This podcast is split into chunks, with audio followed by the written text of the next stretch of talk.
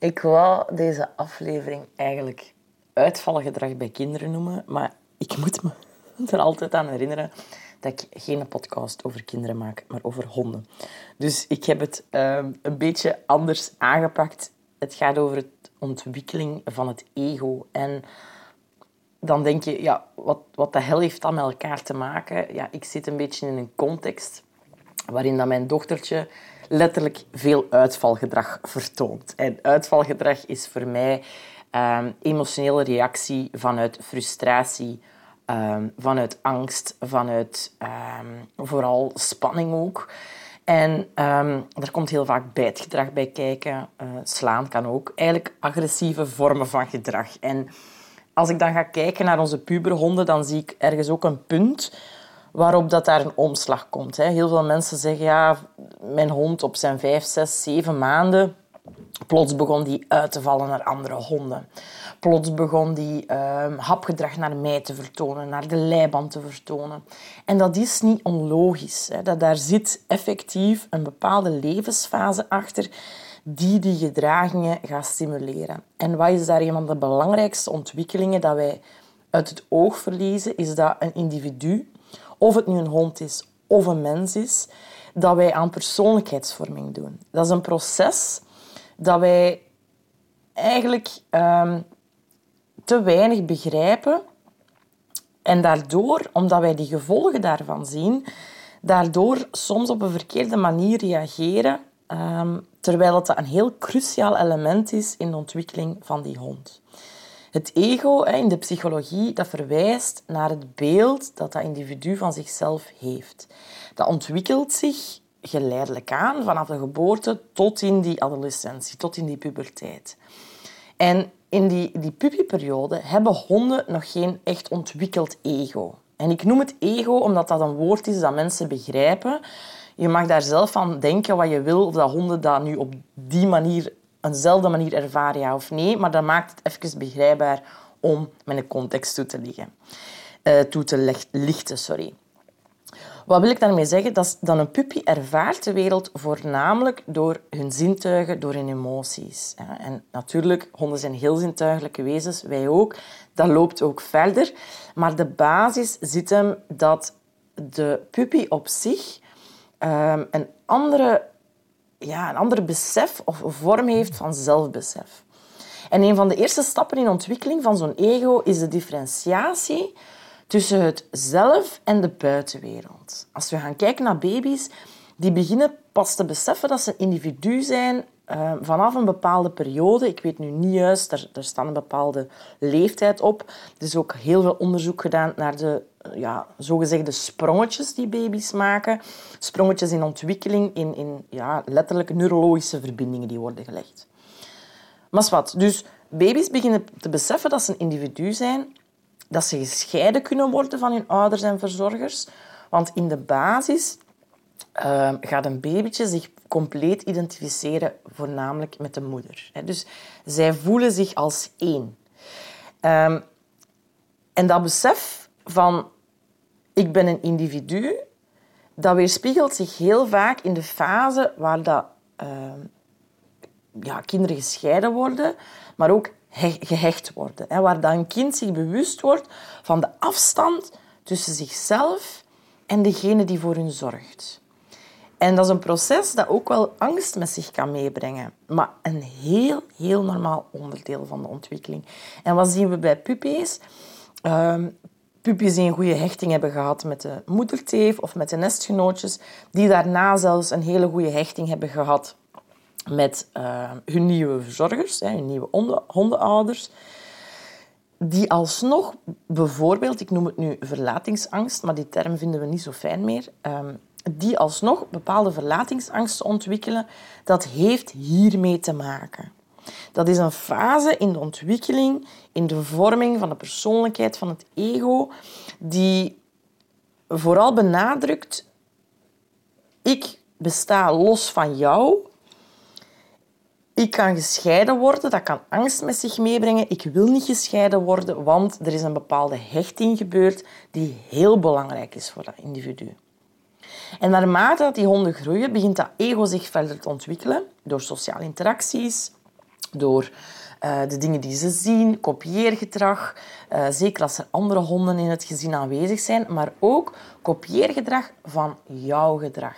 Frustratie, um, boosheid, uh, emoties die jij ook spiegelt en die hun hond ook kan absorberen. Ze worden zich bewust van hun eigen capaciteiten ook. Ze, ze ontwikkelen als het ware een gevoel van competentie. Van, hey, als ik dit doe, dan gebeurt er dit. En wij als hondenouders we spelen daar een hele essentiële rol in, in die fase. Door vooral een heel ondersteunende omgeving te geven. Door heel positief bekrachtigend te zijn. Maar natuurlijk, dat ego wordt ook beïnvloed door externe factoren. Dat is die externe factoren zijn dan vooral verwachtingen, maar ook de context waarin dat zij moeten leven. Um, en dat complexe proces, daar zie ik nu ook, bijvoorbeeld bij mijn dochtertje, dat, er, dat zij in een fase gekomen is, en dat is op een paar weken tijd helemaal gekeerd, waarin zij in haar sociale interactie heel veel grenzen stelt. Um, de nee-fase noemen ze dat wel eens bij peuters. Hè. Um, twee is nee. Hè. Ik ben twee en ik zeg nee. Dus dat is een, een soort van overgangsfase van zelfbesef, van um, besef van capaciteit, van zelfregulatie, van hey, ik kan hier bepaalde grenzen aangeven. Als ik mij gespannen voel, dan kan ik bepaalde gedrag stellen dat reactie geeft. Dus zij is in, in die fase waarin dat zij gedrag probeert te gebruiken of in te zetten om te communiceren over spanning, te communiceren over haar frustraties, um, maar ook om ja, een soort van, het is een soort van testfase ook. Hè. Als ik dit doe, wat gebeurt er dan? Welke sociale interactie volgt daar dan uit? En wanneer zie ik mijn dochter uitvallen, of ja, in, in dit geval haar bijtgedrag vertonen. Dat is in contexten van uh, als zij iets niet kan verkrijgen dat zij wil, het wordt daar iets afgepakt, dan gaat ze heel snel over naar bijten. Als zij uh, een hele periode geen uh, aandacht gekregen heeft, of niet de aandacht die zij nodig had verwacht, dan kan zij ook een soort van uitbarsting krijgen van kijk, Um, dat happen geeft haar bepaalde interactie, geeft haar bepaalde aandacht. Daarvoor niet de aandacht die ze nodig heeft, maar bij pubers en bij peuters is het heel vaak aandacht is aandacht. Dus zelfs soms is zelfs die negatieve aandacht ook een voeding voor hen uh, of een invulling van een bepaalde behoefte. Uh, wanneer zie ik haar nog happen? Als zij in een sociale context terechtkomt die vrij plots is. Bijvoorbeeld, ze ontmoet nieuwe kinderen of ze wordt in een groep van kinderen geplaatst. Dat zij ook gaat aftasten van wie doet wat, uh, hoe zit die groep in elkaar, uh, wie heb ik hier voor mij. Dan durft zij ook dat hapgedrag inzetten om te gaan aanvoelen hoe dat de situatie in elkaar zit, hoe dat haar, uh, ja, letterlijk haar rol, haar functioneren in die groep in elkaar zit. Dus dat is een heel interessant gegeven, want het is, ja, heel veel mensen zijn daar natuurlijk heel kordaat op. En ik geef toe, bij mijn zoontje was dat een heel andere fase. Hij is daar ook doorgegaan, maar op een heel andere manier dan zij.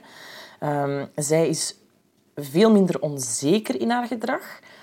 Zij is veel autonomer in haar gedrag. Ik mag niks voor haar doen, terwijl dat mijn zoontje wel um, heel graag ondersteund werd. En dat heeft zijn twee kanten. Hè. Je moet altijd een balans vinden tussen zelfzekerheid creëren, uh, ruimte geven tot zelfontplooiing en tot veekracht, maar anderzijds ook voldoende hè, uh, bevestigen, liefde, steun geven. Dus dat is een heel, heel, heel moeilijke balans. En dat is voor elk individu anders, voor elke hond anders. Nu, wat merk ik bij haar? Heel sterke persoonlijkheid, ehm, heel wilsgedreven, heel onafhankelijk. Ehm, ik weet niet wat dat ligt aan het feit dat zij meisje is of niet, maar goed. Uh, ze heeft ons DNA meegekregen, dus we zijn ergens wel... we liggen ergens aan de basis van haar gedrag. Um, maar het is vooral voor ons nu belangrijk van... Ik kan daar ook heel gefrustreerd door geraken. En de angst overvalt me heel vaak van... Oei, wat als uh, ik hier niet op ga bestraffen? Wat als ik hier niet kordaat op ga zijn? Leer ik haar dan dat dit normaal, een normale sociale interactie geeft? En wat heb ik al gemerkt bij haar, ehm, is dat daar, als ik daar corrigerend op werk, in sommige situaties, corrigeer ik omdat ik niet anders kan, hè, omdat er anders schade is. Hè, bijvoorbeeld een beet die te intens is. Ja, ik, ik wil niet dat mijn zoontje blauwe plekken heeft of wat dan ook. Dus dan ga ik, wel in, ga ik sowieso in tussenkomen en gaan corrigeren. Maar wat merk ik? Dat zij daar eigenlijk geen leerervaring uit heeft. Dus het hele idee dat wij hebben van als we dat gaan bestraffen, gaan ze leren dat het niet oké is. Op die leeftijd, in die fase, klopt dat niet. En soms moet je wel ingrijpen en moet je wel corrigeren, maar besef ook dat heel veel kinderen en honden ook daar niet de leerervaring door hebben die jij percipieert, die jij in gedachten hebt. Dus na zo'n correctie, na bijvoorbeeld dat ik haar fysiek gescheiden heb, eh, dat ik echt gezegd heb van nee, mag niet, niet oké, dat ik haar fysiek gescheiden heb, gaat ze natuurlijk in overspanning, want dat is een correctie voor haar. Maar zij weet niet, of zij leert daar niet uit van dit is geen sociaal aanvaard gedrag. Voor haar is het een fase van onderzoek, van spanning communiceren, van, frustratie uiten, van omgaan ook met frustratie. Van als mij ja, onrecht aangedaan wordt, letterlijk, als haar autootje wordt afgepakt, dan ga ik reageren. Dus het is goed om daar even naar te kijken van... Um, of weten dat dat een fase is waar dat we zelf heel hard op de proef gesteld worden naar geduld toe, naar sociale begrenzing toe.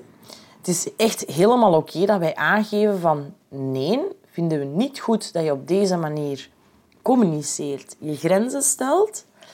Maar het is ook belangrijk om daar met een begripvolle bril naar te kijken en die, daar geen harde straf aan te koppelen. Want dat blijft niet hangen. De link tussen ik zet hapgedrag in en er volgt een zware correctie van mijn begeleider, van mijn, van mijn ouder. Die link wordt niet omgezet in die hersenen naar oei, dit is sociaal geen getolereerd gedrag. Welke link wordt er vaak wel gemaakt als we daar niet begripvol naar kijken?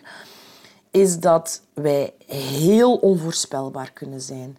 Dat er een soort van vertrouwensbreuk ontstaat. Dat wij als ouder plots kunnen omslaan naar zelf soms agressief gedrag van, als we natuurlijk doorzetten in nee, en dan gaan we bijvoorbeeld ze in de hoek zetten of we roepen tegen hen of wat dan ook, worden wij een heel onvoorspelbare ouder voor hun. Want de ene moment zijn wij heel ondersteunend en de andere moment draaien wij eigenlijk 180 graden of 360 graden. Noem het zoals dat je wilt.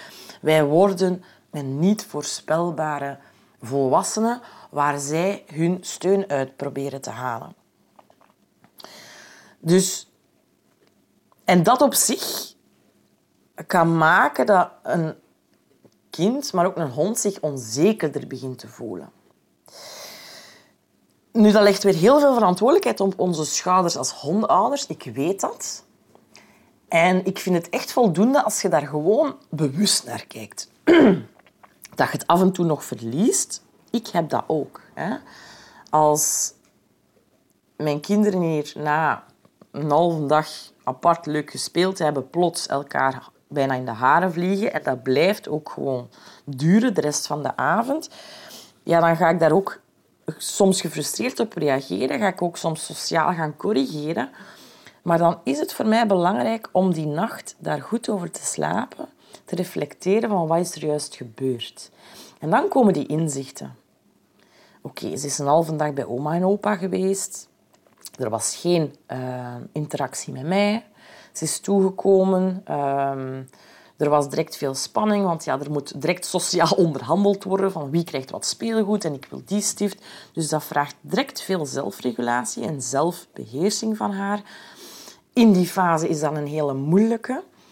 Dus ik bekijk ook nu in deze fase van hoeveel kan ik, uh, of hoe kan ik activiteiten met haar individueel ondernemen, zodat zij uh, iets minder blootgesteld wordt aan die sociale spanning.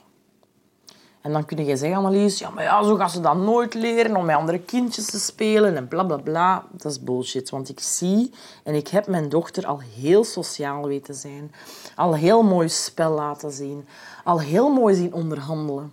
Dus zij kan dat, maar er zit nu, zij zit nu ergens in een fase van, een, van, een, van, de, van haar persoonlijkheidsontwikkeling waarin dat het um, moeilijk is om altijd um, op, een, op een logische manier in die sociale interactie te gaan.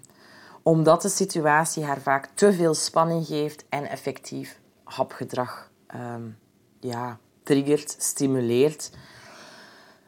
Dus ja, laat ons daar gewoon iets begripvoller naar kijken. Wij zijn geen agressieve honden of agressieve kinderen aan het opvoeden. Honden die plots beginnen uitvallen naar andere honden of plots hapgedrag beginnen vertonen naar jou. Daar ligt niet altijd een trauma aan de basis. Daar ligt niet altijd iets aan de basis dat jij verkeerd hebt gedaan, dat genetisch is meegekomen. Maar wat dat wel heel duidelijk is, is dat de ene persoonlijkheidsvorming meer geneigd is om dit soort gedrag te laten zien of om daar feller in te reageren dan de andere persoonlijkheid. Daarom dat je dus bij het ene kind en het andere kind, of de ene hond en de andere hond, daar een heel andere ehm, ja, uitwerking van die fase naar boven ziet komen. Laat mij weten wat je van deze aflevering vond. Ik ben super benieuwd of dat je ehm, iets geleerd hebt van deze inzichten. En uh, laat het weten in de comments op Spotify of op mijn website. Merci, salut!